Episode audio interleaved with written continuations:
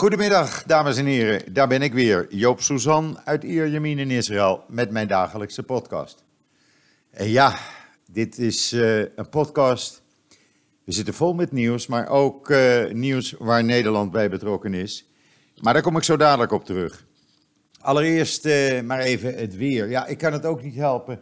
Ik zag dat het in Nederland echt herfstweer is. Ja, we hebben hier ook herfst. Maar het is uh, gewoon 32 graden blauwe lucht en een uh, zwak briesje uit het uh, zuidoosten. Dus daar moeten we het maar mee doen. Het is wel zo, s'morgens, ja, dan vind ik het lekker fris. Dan is het zo rond de 22 graden. Om een uur of kwart over zes als ik met de hond ga lopen. En dat is, ja, dat is best lekker. het voelt fris aan, laat ik het zo zeggen. Maar s'nachts hebben we nog, nog steeds de airconditioning nodig. En ik niet alleen, ik, uh, ik zie dat overal. Uh, want je hoort dat gezoem als je s morgens vroeg uh, in de stilte buiten loopt. En dan het nieuws. Wat zullen we eerst doen?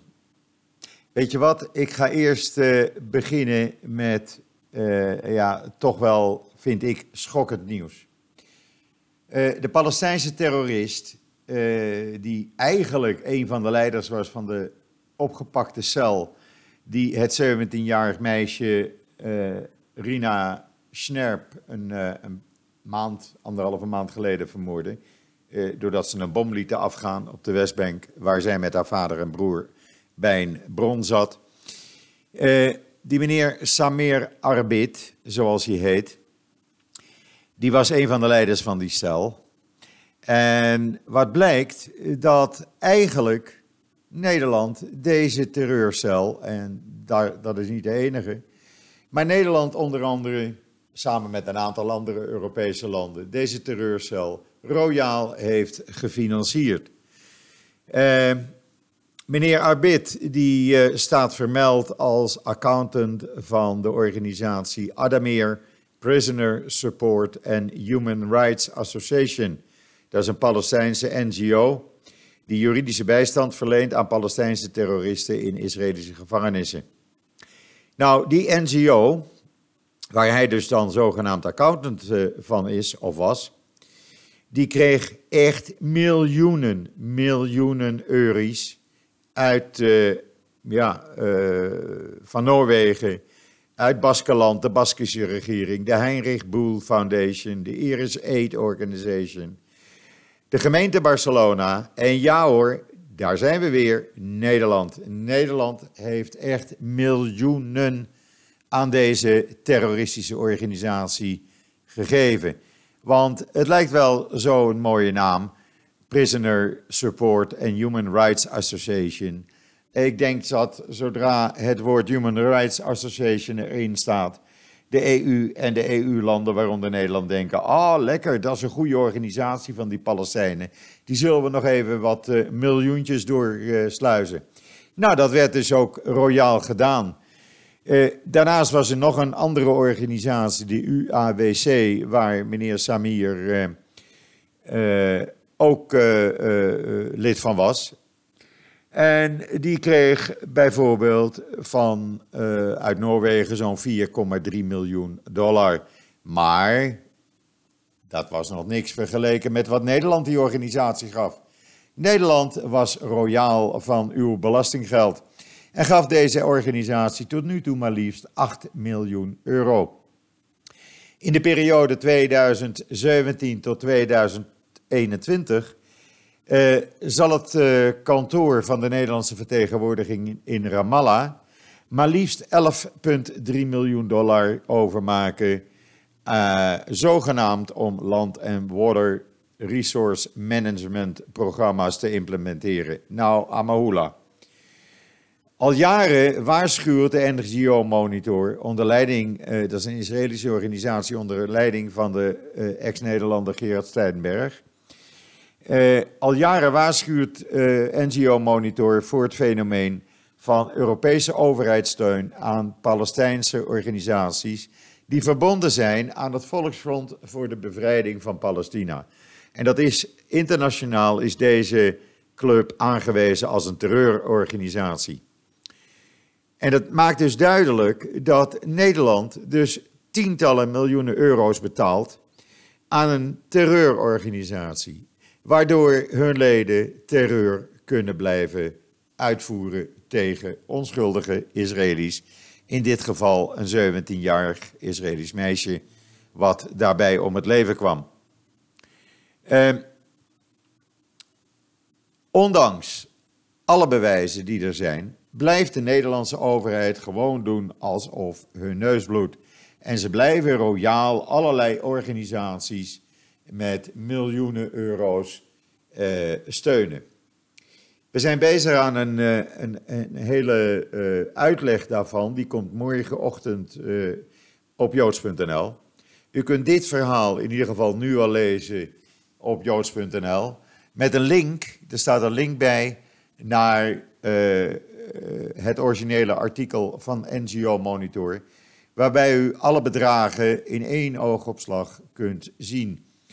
Bijvoorbeeld, Nederland gaf aan de Human Rights and International Humanitarian Law Secretariat half, een kleine half miljoen dollar. Uh, Nederland gaf uh, de Nederlandse organisatie War Child Holland, die gaf uh, ruim 114.000 dollar aan zogenaamde humanitaire programma's. Daarnaast werd er nog eens 205.000 dollar betaald.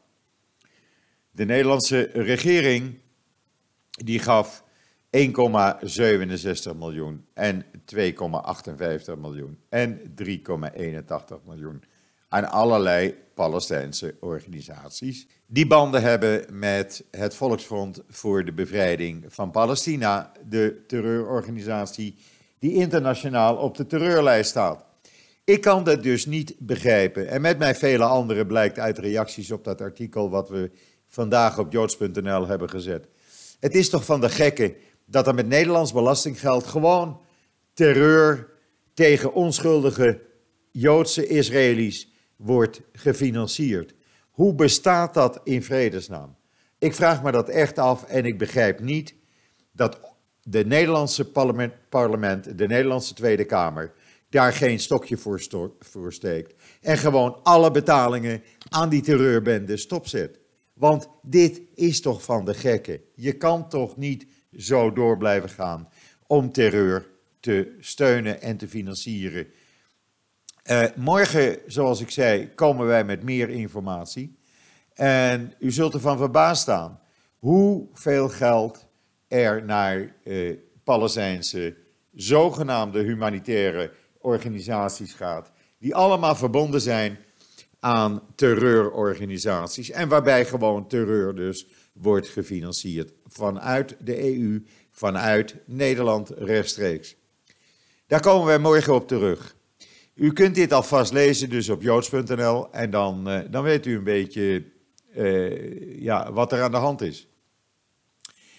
En dan even de politiek in, uh, in Israël, uh, want dat zullen ook gewoon door. Op dit moment uh, wordt, als we speak, de 22e Knesset geïnstalleerd. Die wordt beëdigd. Maar een regering is er nog niet. Lieberman heeft wel gezegd, een derde verkiezingsronde, absoluut onwenselijk. Ik begin daar niet aan. Ik heb een plan klaar en dat wil ik doorvoeren. Nou, Netanyahu heeft hem vanmorgen uitgenodigd. Hij is gegaan en hij heeft gezegd: luister, uh, Bibi, want dat is de bijnaam van uh, Netanyahu. Je weet, uh, ik wil best met jou in zee, maar niet met die orthodoxe partijen erbij. Dus dat gesprek is voorlopig althans op niets uitgelopen. Ondertussen rommelt het wel en begint ook Netanyahu toch te begrijpen dat het zo niet langer kan. En hij heeft al toegezegd, volgens de voorzitter van de Knesset, dat hij bereid is op het moment dat hij wordt aangeklaagd om terug te treden. Dat zou eventueel een oplossing kunnen zijn voor het probleem wat Benny Gans van Bloem White heeft. Want die heeft gezegd: luister, ik, uh, ik ga niet in zee met iemand uh, die premier is en rustig premier blijft terwijl die aangeklaagd is voor corruptie en fraude. Daar begin ik niet aan. Netanyahu schijnt dus nu bereid te zijn op het moment dat hij officieel wordt aangeklaagd om dan terug te treden, waardoor Gans dan eventueel het premierschap kan overnemen. of dat gaat gebeuren, ja, niemand die het weet. We moeten dat afwachten. Maar het is in ieder geval een stap in de goede richting, laat ik het zo zeggen. Dus die ontmoeting met uh, Netanyahu en Lieberman, nou ja, vergeet het maar, het is niets geworden, voorlopig althans. Inmiddels heeft, dat is net bekend geworden, Lapid gezegd, in het belang van het land ga ik, uh, laat ik mijn eis vallen die ik in die alliantie Blue and White heb gesteld, dat ik een rolerende premierschap met Benny Gans wil. Dat opent de deur voor Benny Gans om dan een relatie aan te gaan met, Lieber, met Netanyahu. Ook president Rivlin heeft zich uitgelaten in min of meer dezelfde bewoordingen. Die heeft een voorstel gedaan waarin hij zegt: eh, Netanyahu, ga nou aftreden op het moment dat blijkt dat jij wordt aangeklaagd. Dan kan uh, uh, uh, Benny Gantz het stokje overnemen en dan kan er gewoon geregeerd worden. We moeten die regering nou eenmaal hebben. Er liggen te veel grote problemen die nu niet worden opgelost er moet het zoveel gedaan worden. Er is een budgettekort uh, van ruim 4%. En dit kan gewoon niet langer zo doorgaan. Goed, elk uur uh, gebeurt er wel iets. En ik laat u dat gelijk, uh, wij laten u dat gelijk weten op joods.nl natuurlijk. Dus hou joods.nl in de gaten. Op joods.nl hebben we vandaag trouwens, het is donderdag, dus receptendag, een echt Israëlisch recept. En wat is dat dan? Shakshuka. Shakshuka, het is het lekkerste wat ik, ja, een van de lekkerste dingen wat ik altijd eet. Het is uh, tomaten en ei en nou ja, kijk de video en lees het recept. Het is heel simpel te maken in een pannetje. Het duurt niet lang. Uh, het enige wat je nodig hebt is groenten, tomaten, eieren, veel eieren. De video wijst het uit. Het recept, de ingrediënten en de bereidingswijze. Het staat allemaal op joods.nl. Je zal ervan genieten. Geloof mij, het is heerlijk. Uh, dus ja, ik kijk uit naar, uh, naar mensen die dan zeggen van Joop, je hebt gelijk, we hebben het gemaakt. Het was inderdaad hartstikke lekker. Ehm, dus lees dat op joods.nl. Dan in België, de Joodse leiders in België, die, uh, die maken zich ernstig zorgen dat antisemitisme een gewoon woord. Uh, er wordt eigenlijk niet meer tegen opgetreden. Uh, het begon allemaal, ja, het is al jaren aan de gang. En dit jaar natuurlijk, we hebben die carnavalsparade in Aalst gehad. Die ja, poppen op een wagen had staan die bewogen eh, leken op, eh, op Joden met die grote haviksneuzen en de orthodoxe hoeden op. Eh, we hebben een, een, parlementariër gehad die een kunstwerk maakte uh, en dat ophing in een kunstgalerij in Brussel. Uh, dat was een schilderij met een groot hakenkruis en de woorden en God schiep A. Hitler. Nou ja, en dat gaat zomaar even door. En in België is men nu echt zover, de Joodse organisaties, dat men zegt van ja, het is gewoon geworden, niemand die er meer iets tegen doet. En Joden zijn eh, weer het pispaaltje. Onlangs nog, u heeft het ook op joods.nl kunnen lezen, eh, gebarentaal, het Centrum Vlaams Gebarentaal, die had een nieuw gebaar voor uh, een haakneus voor het woord Jood. En dat gaat maar door en dat gaat maar door. En niet alleen in België, ook in Nederland. We hebben pas nog gehad op BNN-Vara eh, dat iemand gewoon minutenlang zijn gal kon blijven spuien over uh, Israël en de Joden. Uh, ja, dat, dat, ook in Nederland wordt het al een beetje, een beetje gewoon, lijkt het wel. we moeten ons daar met ons allen ernstig zorgen over maken, vind ik zelf. dat kan gewoon niet zo doorgaan. Dit moet gewoon stoppen. Maar ik ben bang, ik vrees met grote vrezen dat dit al, al te laat is.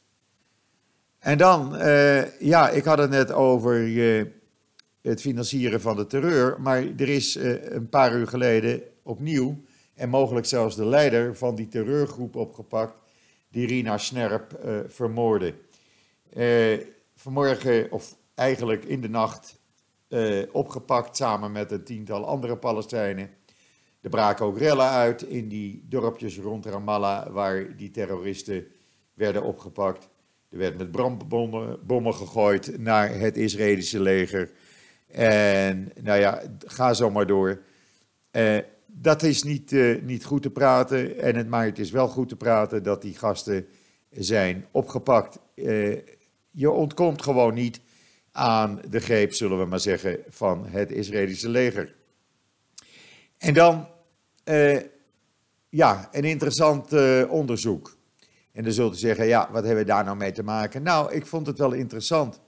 Want het blijkt namelijk dat er weinig verschil is in het gevoel van geluk, in je geluksgevoel, in je beleving daarvan. Of je nou in Centraal Israël woont of in de wat afgelegen gebieden, laten we zeggen de Negev of bijvoorbeeld eh, de Golan. Uh, in Centraal Israël, het gebied ruwweg tussen Jeruzalem en Tel Aviv, uh, het middengedeelte van Israël. Daar zegt 90% van de bewoners, wij zijn hartstikke gelukkig. En in die afgelegen gebieden 89 procent. Dus zoveel maakt dat dus niet uit.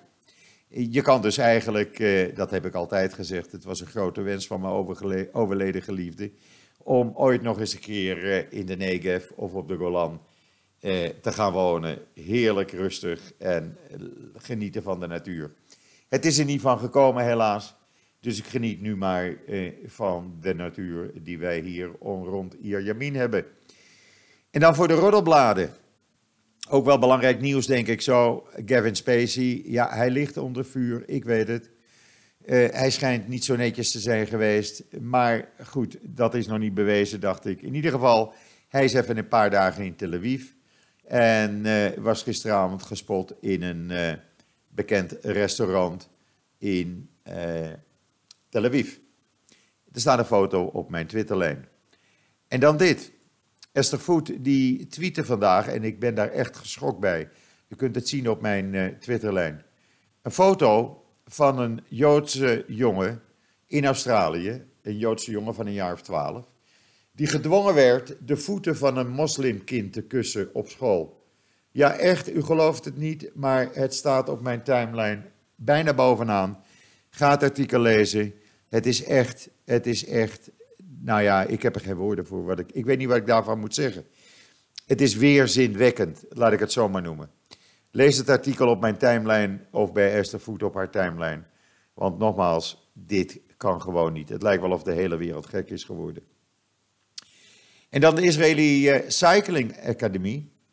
Die heeft het Katusha-team uit Rusland overgenomen. Dat is een, uh, een wielrenteam.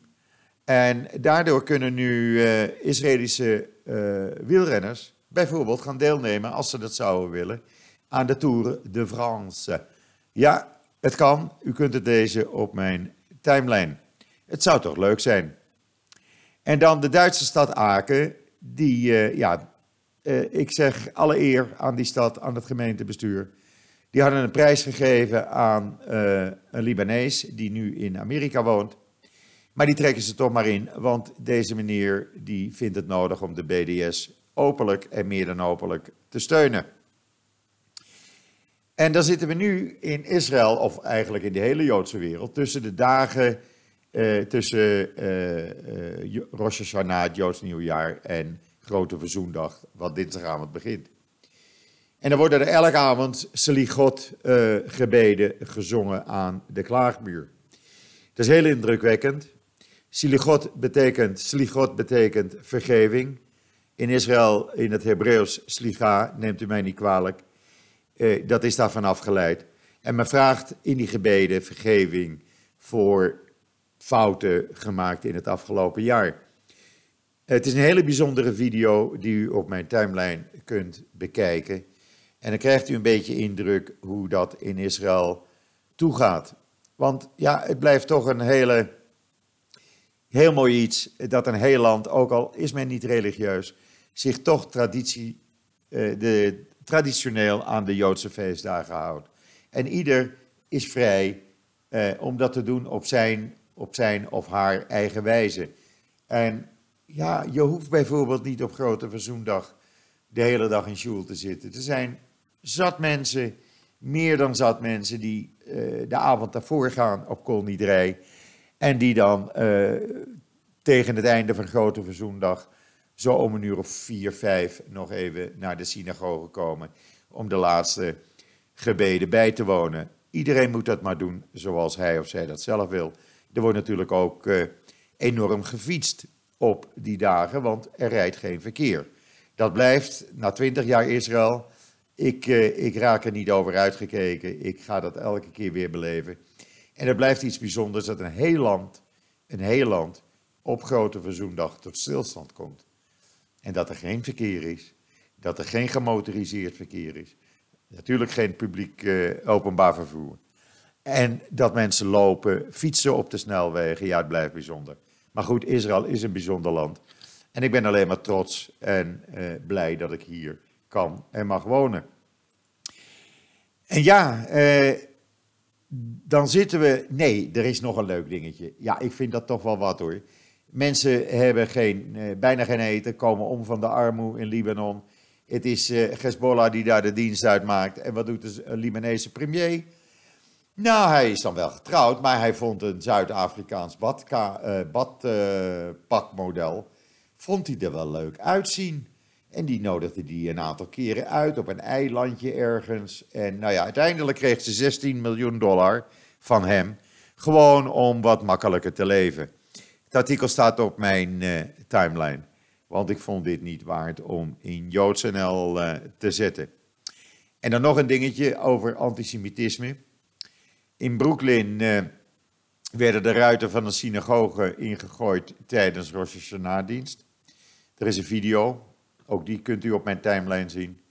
En de Britse Labour-partij die vindt het nodig om op de avond van Yom Kippur te gaan beslissen of een Joods parlementslid met kritiek op de Labour-partij nog lid van Labour mag blijven. Nou, een grotere vorm van antisemitisme, van jodenhaat, kan ik me eigenlijk niet voorstellen. Echt niet.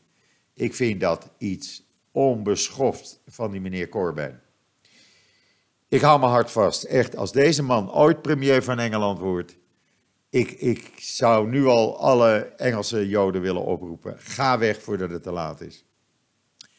En dan hebben we hier in Israël vandaag een staking van de Arabische uh, inwoners. Want die zijn het zat dat er constant in familiegevechten uh, uh, mensen werden, worden vermoord. Gisteren twee broers weer. Dat brengt het aantal dit jaar al op 63. En dat zijn dan, dat is uh, zit daarbij. Er worden vrouwen vermoord, er worden broers vermoord. En dat gaat maar door en dat gaat maar door. En ze zijn het zat. En ze willen dat de Israëlische regering daartegen gaat optreden. Maar ja, zolang wij geen regering hebben, kan er ook niet tegen opgetreden worden. Dus het zal toch echt uh, voorlopig door de politie moeten worden gehanteerd. Ja, dat brengt mij alweer bij het einde van deze podcast. U weet, uh, morgen en zaterdag is er geen pod podcast. Morgen het huis schoonmaken. Ik moet de nicht van mijn overleden geliefde weer naar het vliegveld brengen. Die gaat weer terug naar haar huisje in Parijs. Uh, ik moet boodschappen doen. En morgen, ja, Shabbat begint al wat vroeger. En ik ga bij een van de kinderen weer eten. Ik heb natuurlijk maandag aan, het hele span weer hier gehad met aanhang, 20 man. Dus even een beetje rust. Ja, zondag uh, kom ik nog met een uh, podcast bij u terug. Maandag niet, want dan is het de eerste dag van Sukkot. Ja, het is de periode van Joodse feestdagen. U weet hoe dat gaat hier. Uh, dan hebben we vrij. Maar in ieder geval, ik kom zondag sowieso bij u terug. Want er zal heus nog wel wat te melden zijn. En mocht er echt heel belangrijk nieuws zijn. Er zijn altijd live-uitzendingen die ik dan onmiddellijk kan doen. En dat zal ik ook zeker niet nalaten. Rest mij u nog een fijne voortzetting van deze donderdag te wensen. Alvast een Shabbat Shalom vanuit Ierjamin, Israël. En wat mij betreft zeg ik, eh, als alles rustig blijft, tot ziens, tot zondag.